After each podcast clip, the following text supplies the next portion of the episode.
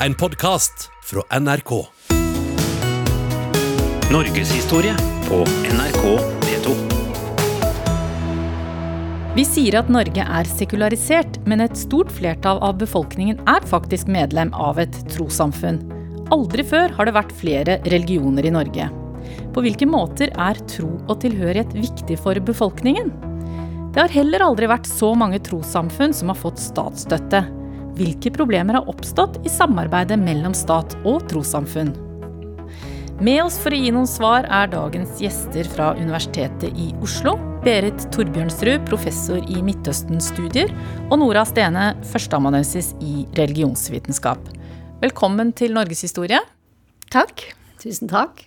Det er vanlig å omtale Norge og for så vidt hele Norden som sekulariserte land. Og med sekularisering mener vi at enkeltmennesket, kulturen og samfunnslivet er frigjort fra religiøse autoriteter og normer.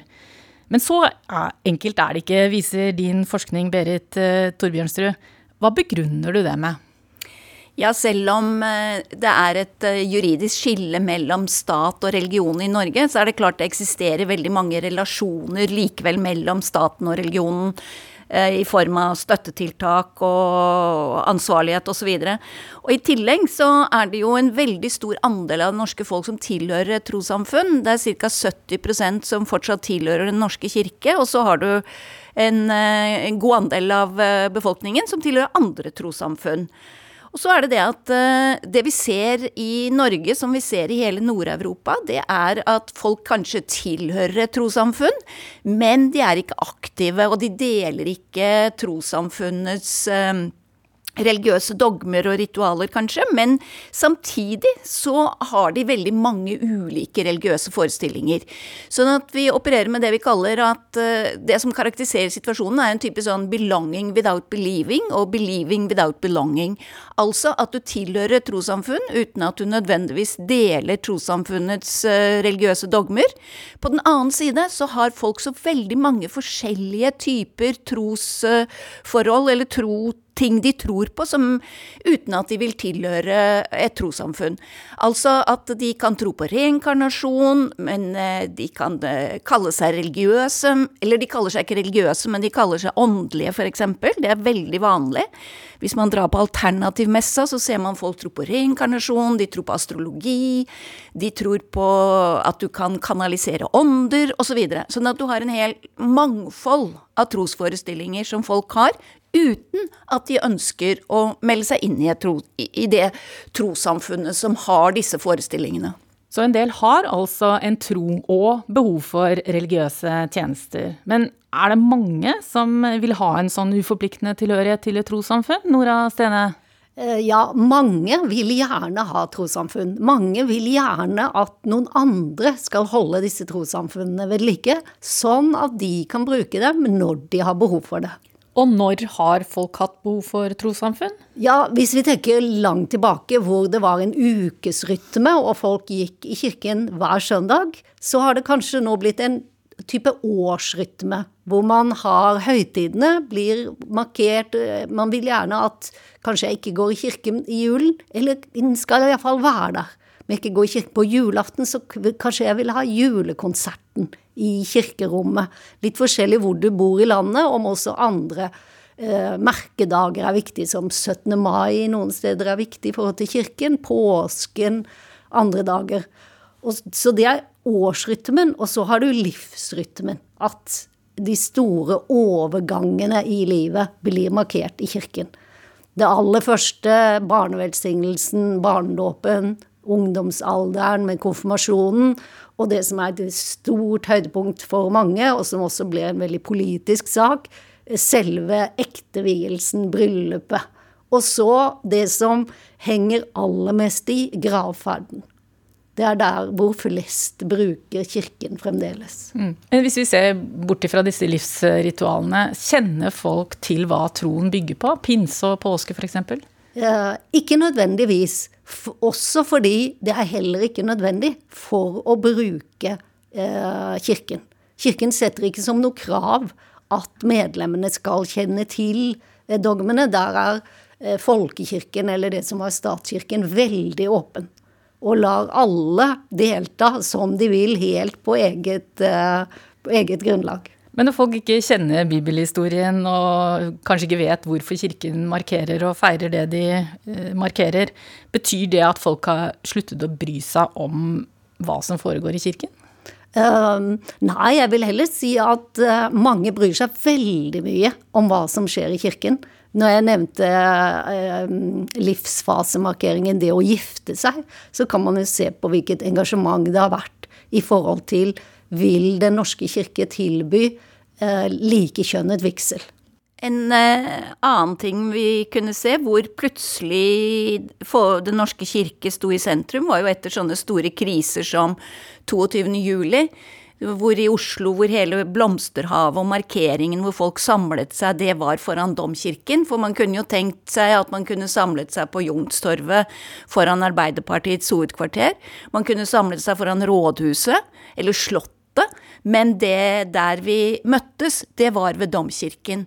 Og du så i veldig mange steder i Norge så ble det holdt uh, gudstjenester eller minnestunder nettopp i kirkene. Som for så vidt også muslimer brukte moskeene til den type ting. Og der så du med en gang så var det plutselig et slags grunnlag i befolkningen for at det var et naturlig sted å samles på tvers av f.eks. politiske skillelinjer. Eh, men la oss gå litt tilbake i tid. Ingen andre trossamfunn enn kristendom og jødedom hadde lov til å etablere seg i Norge før 1964. Da fikk Grunnloven en ny paragraf, nemlig religionsfrihetsparagrafen. Og omtrent samtidig så kom jo innvandrere med nye religioner. Og hvilke religiøse minoriteter fikk vi i Norge da, Berit Torbjørnsrud? Vi fikk jo for det første fikk vi gjestearbeiderne fra fra Balkan og fra Hellas, hvor det da kom en rekke ortodokse kristne. Eh, senere så kom jo gjestearbeidere fra muslimske land, sånn at det begynte å bli dannet eh, mus, muslimske menigheter. Og så fikk vi jo et veldig tilfang av katolikker gradvis på 70-tallet, flyktninger fra Chile f.eks., osv. Eh, vi fikk også hinduer, altså gjestearbeidere fra India osv. Så videre, sånn at eh, på slutten av 60-tallet og så 70-tallet var jo en begynnelse på eh, at vi fikk et mye mer religionspluralistisk Norge. Selv om det tar jo da en stund før disse begynner å etablere seg, altså organisere menigheter, og så begynne å bygge sine egne steder, osv. Mm. Hvor mange er det av de forskjellige religionene i Norge i dag? Kjenner vi til noen tall? Vi har veldig anslagsvise tall, men uh, forskere regner med at uh, mennesker med muslimsk familiebakgrunn i Norge kan være opp rundt en uh, 200 000.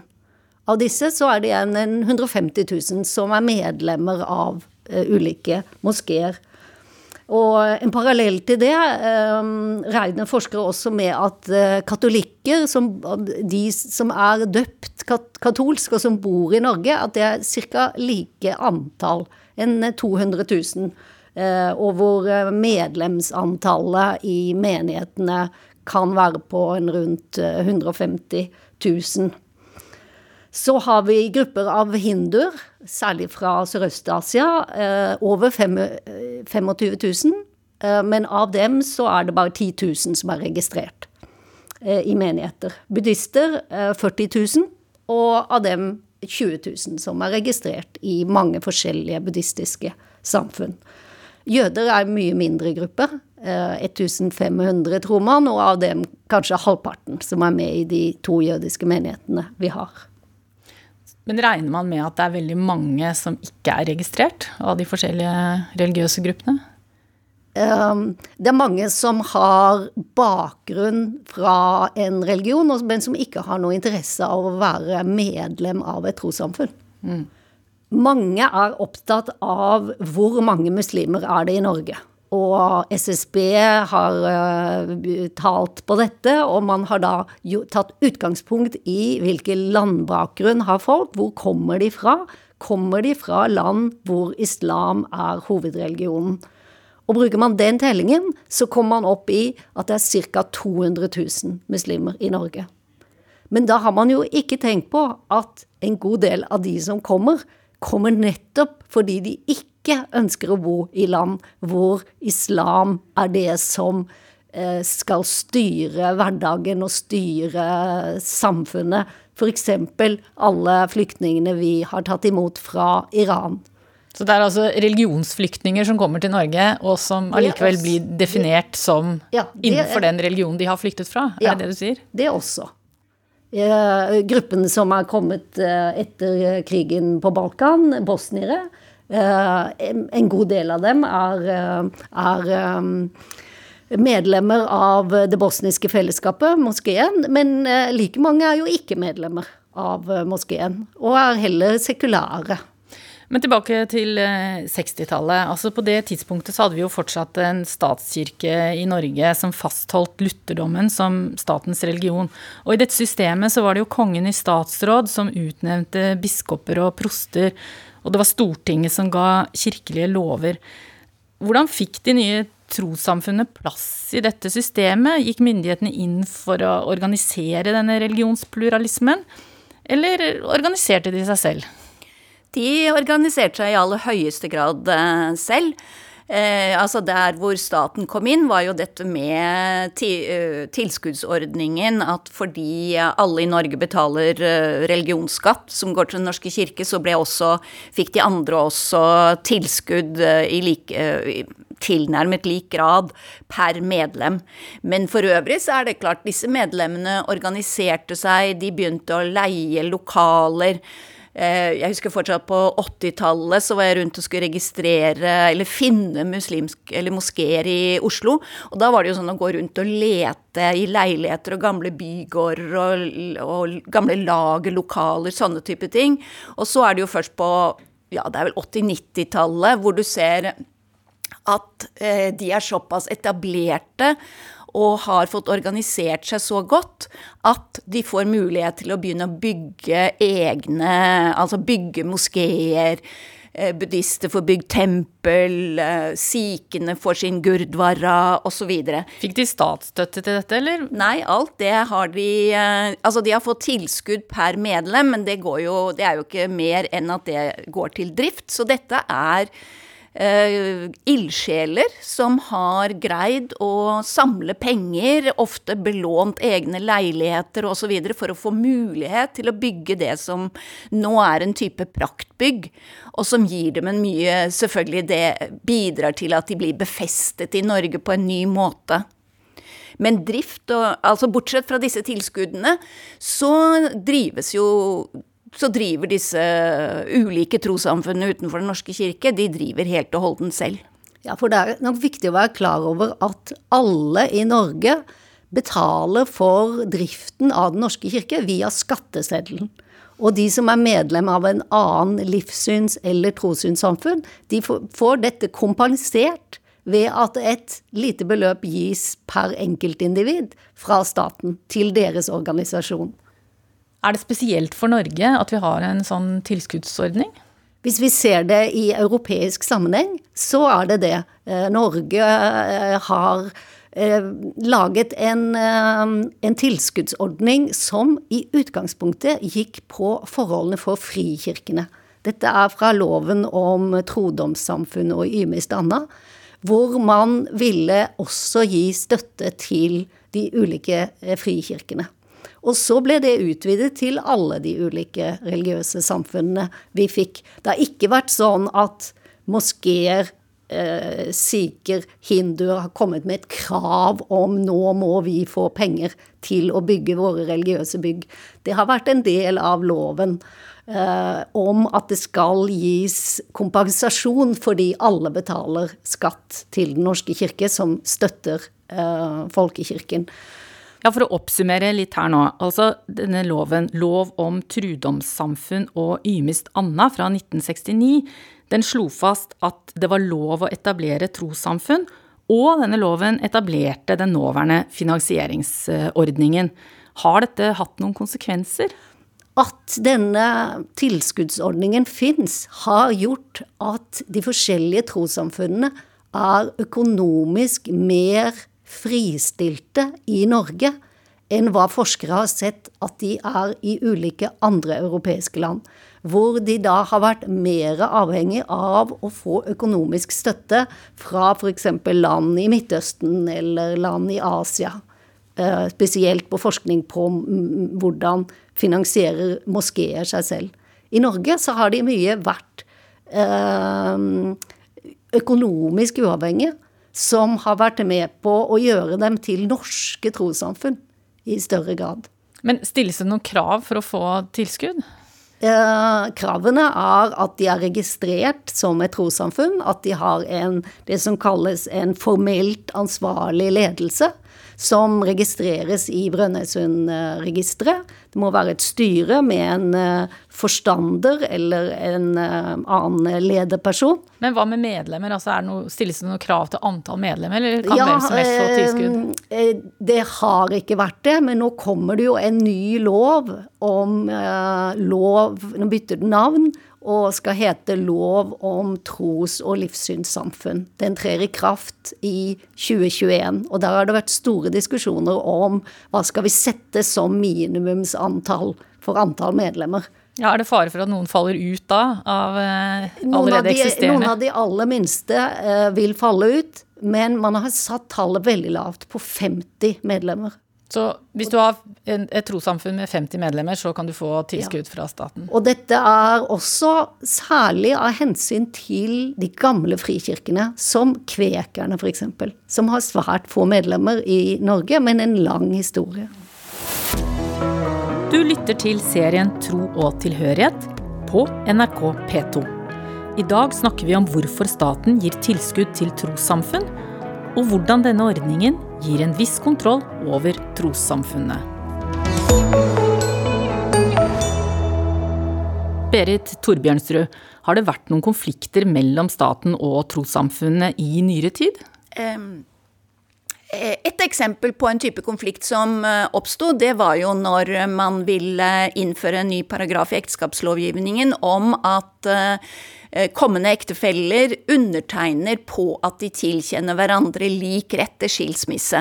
Og dette var jo for å støtte kvinner som befinner seg i en type haltende ekteskap som de ikke kommer ut av fordi de ikke får en religiøs skilsmisse. Men eh, problemet ble jo da at eh, f.eks. For, for katolikker i Norge så ville det å undertegne på en slik paragraf, det ville bety at eh, partene ikke visste om de var reelt gift eller ikke.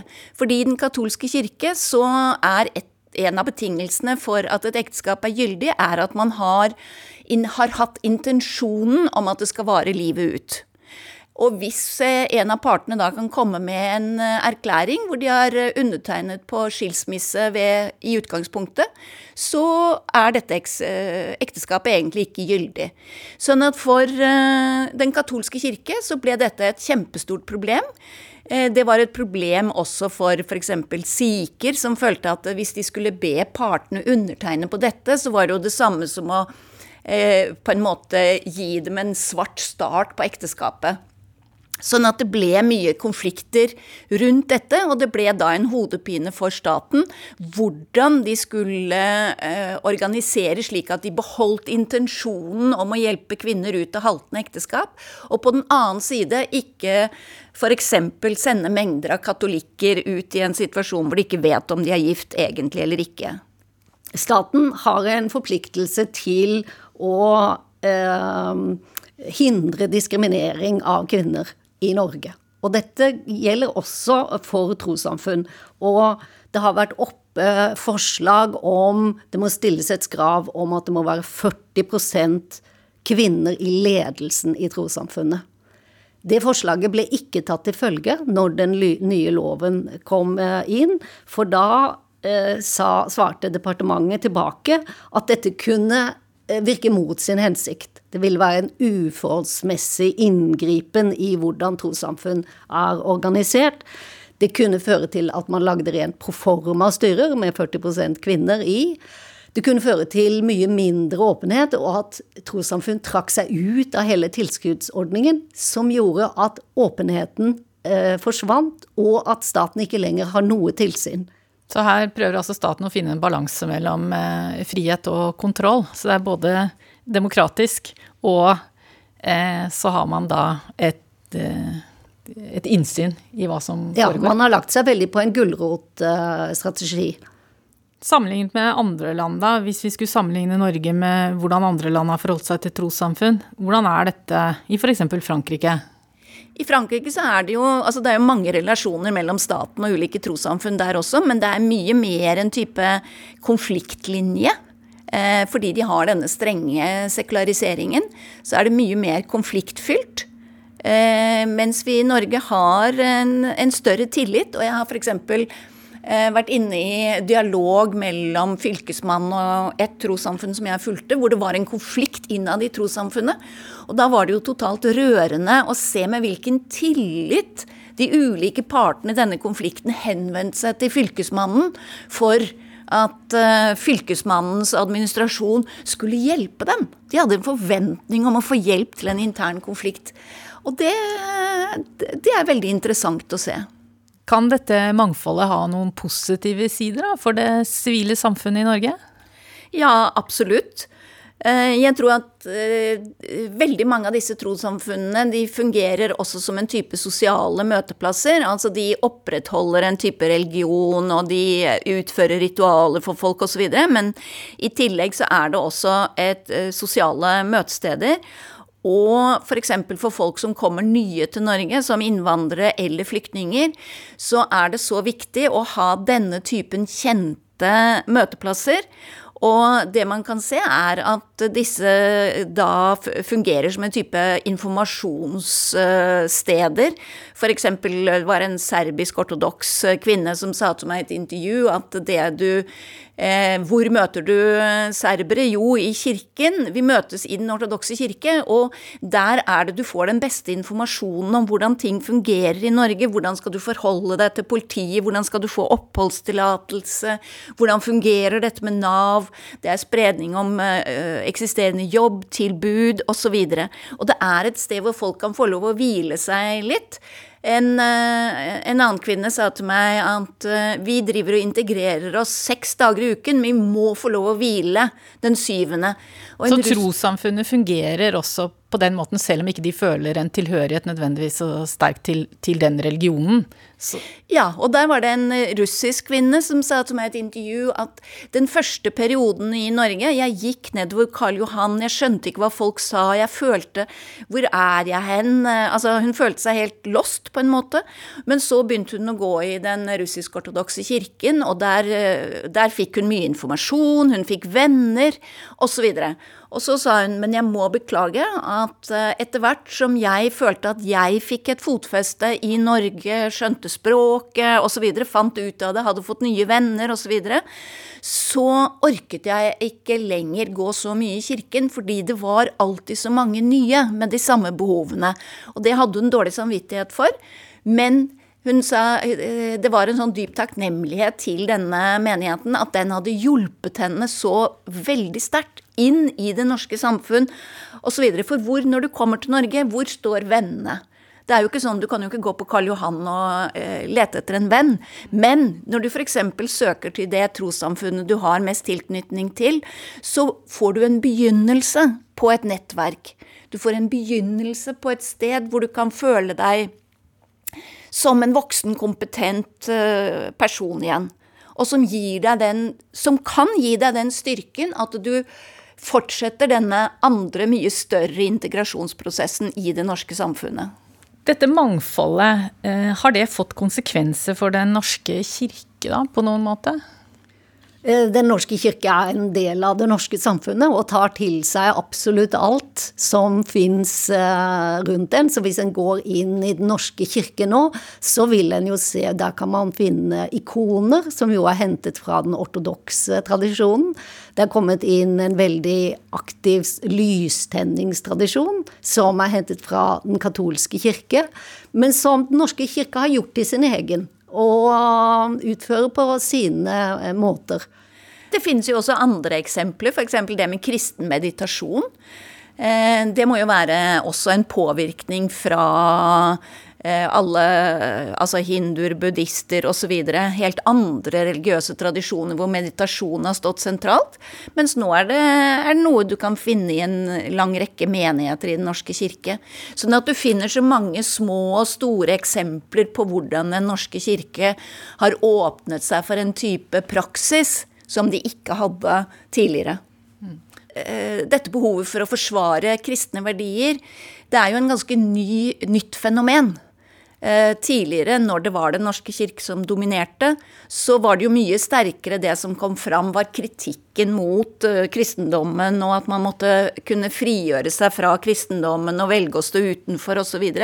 Mens nå er det da dette med å forsvare de kristne verdiene.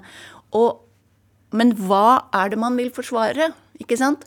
Og det er der, eh, slik jeg tolker det i hvert fall, så er dette en måte å angripe og kritisere den eksisterende og tillatte religionspluralismen som vi har i Norge i dag, og som jo preger samfunnet på mange måter. Tusen takk for at dere kom til norgeshistorie, Berit Torbjørnsrud, professor i Midtøsten-studier, og Nora Stene, førsteamanuensis i religionsvitenskap, begge ved Universitetet i Oslo. Ansvarlig for denne serien er Ane Bjølgerud Hansen. Teknisk ansvarlig er Dag Bakker. Jeg heter Ellen Katrine Lund.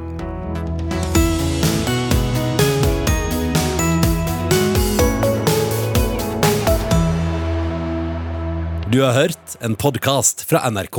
Hør flere podkaster og din favorittkanal i appen NRK Radio.